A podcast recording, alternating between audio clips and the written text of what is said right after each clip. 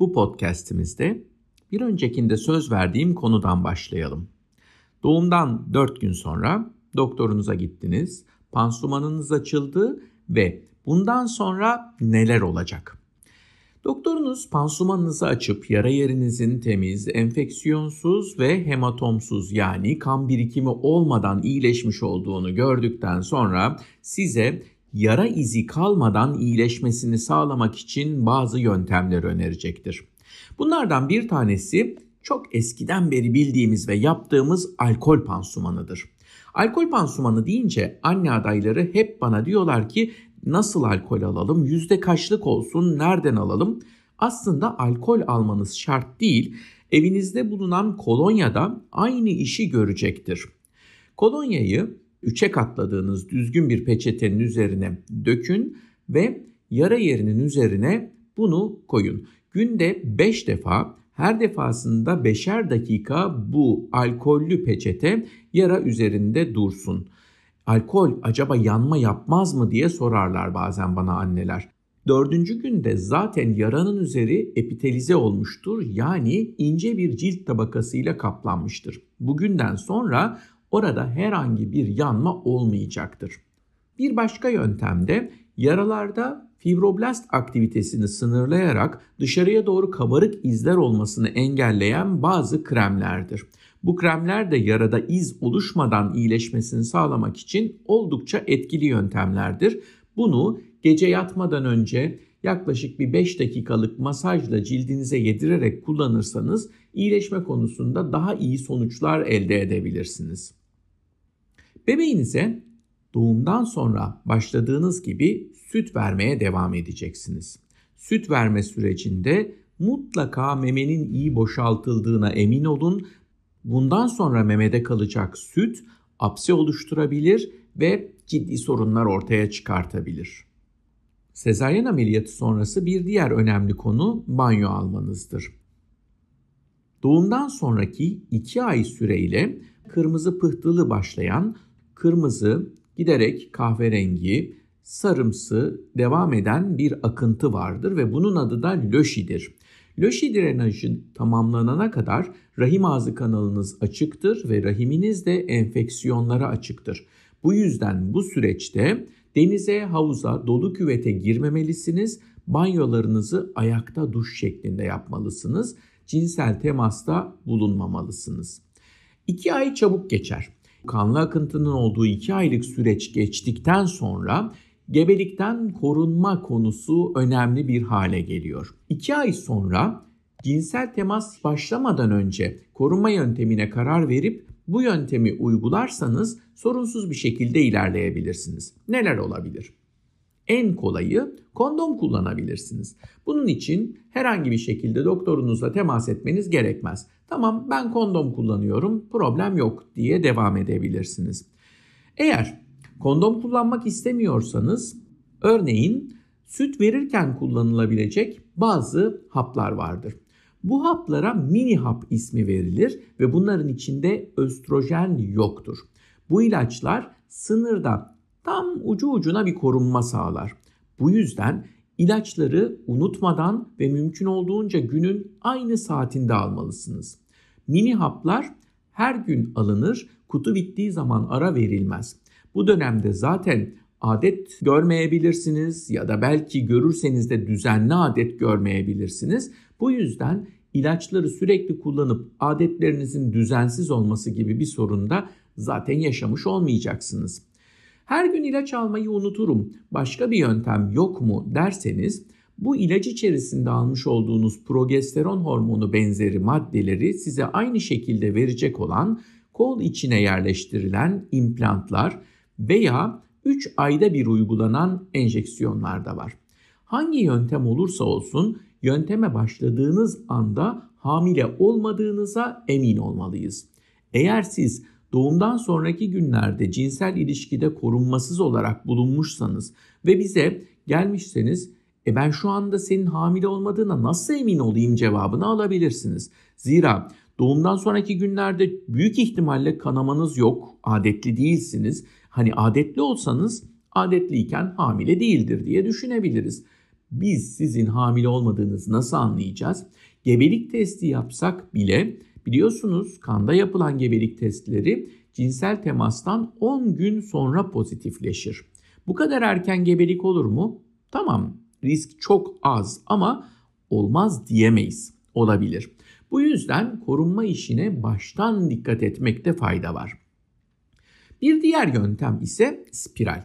İster bakırlı bildiğimiz yıllardır kullandığımız spiraller, ister hormonlu spiraller doğumdan 2 ay sonra ilk cinsel temas olmadan önce takılabilir ve bu spiraller 5 yıl süreyle çok iyi bir korunma sağlayacaktır. Bunların hepsi süt verirken kullanabileceğiniz oldukça etkili yöntemlerdir. Sütün yumurtlamayı engelleyici etkisinden faydalanmak yani süt korur diye düşünüp de başka bir yöntem kullanmamak zaman zaman hüsranlara neden olabilir. Bu yüzden bu yönteme çok fazla bel bağlamamanızı öneririm. Zira böyle bir yöntemi kullanmak istiyorsanız sürekli düzenli olarak hiçbir gün miktarı azaltmadan bebeğinizi emziriyor olmanız gerekir.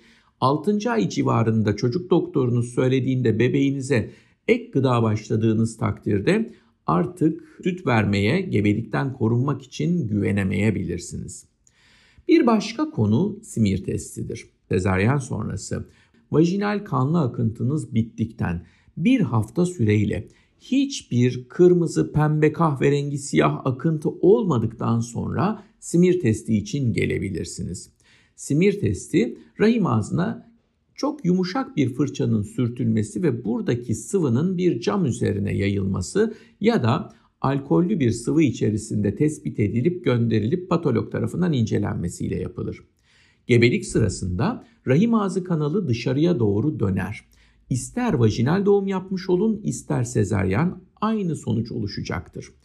Bu süreçte rahim ağzınız zararlı, riskli mikroplara maruz kalmak için çok uygun vaziyettedir. Bu yüzden doğum sonrası simir testinin yapılması çok önemlidir.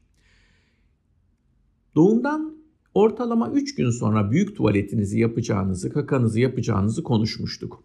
Kakanızı yaptıktan sonra bağırsak faaliyetleriniz tam olarak yerine oturmuş olacaktır. Bugünden başlayarak bebeğinizin emmesi bitene kadar gebelik sırasında kullanmış olduğunuz gıda takviyelerini aynen kullanmaya devam edebilirsiniz. Bunların içerisinde belki doktorunuzla görüşmelisiniz. Belki magnezyum kullanmayı uygun görmeyebilir doktorunuz. Bu konuyu doktorunuza sorun.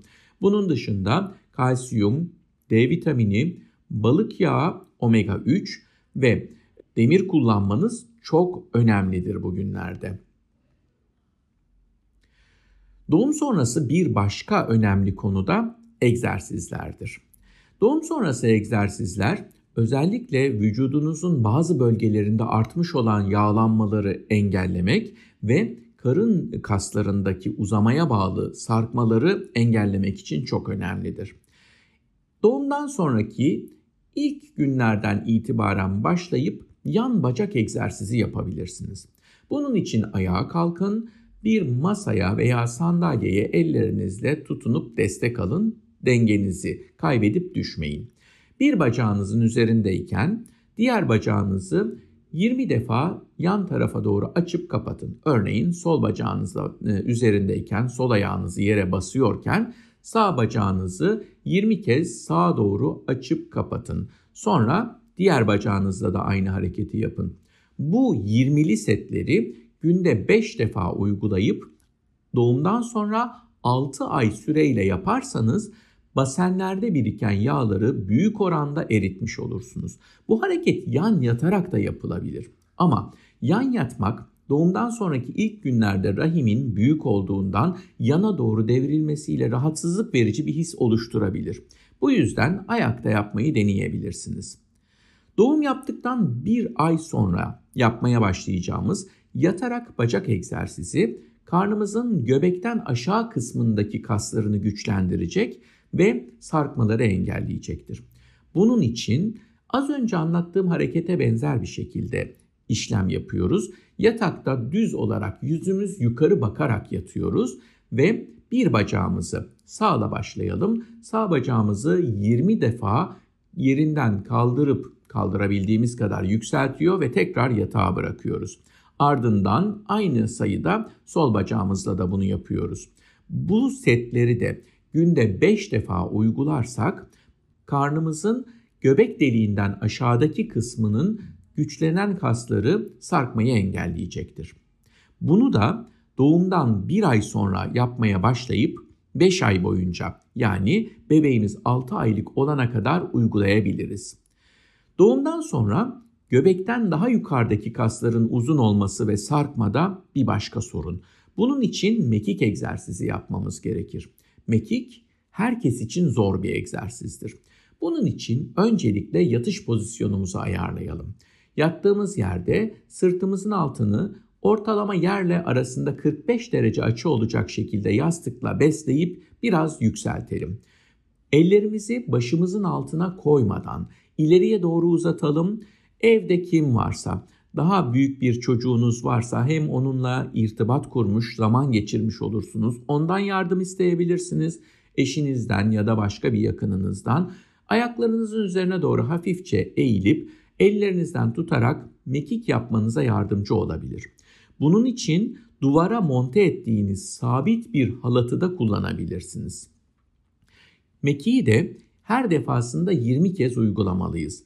Günde 5 parti halinde 20 tane mekik uygularsak ortalama 4 aylık bir süre uyguladığımızda göbek üzerindeki kaslarımız da ciddi şekilde kısalacak ve karnımızda sarkma olmadan iyileşecektir. Bunlara mekiğe doğumdan 2 ay sonra başlayıp 4 ay boyunca uygulamamız yeterlidir. Peki korse kullanalım mı? Korse kullanmayı hiçbir şekilde önermiyoruz. Çünkü doğumdan sonra kullandığımız korse karın kaslarımızın gevşek kalmasına yol açacak, güçlenmesini engelleyecek ve dolayısıyla karın sarkmaları korsenin kullanılmadığı zamanlarda belirgin şekilde olacaktır.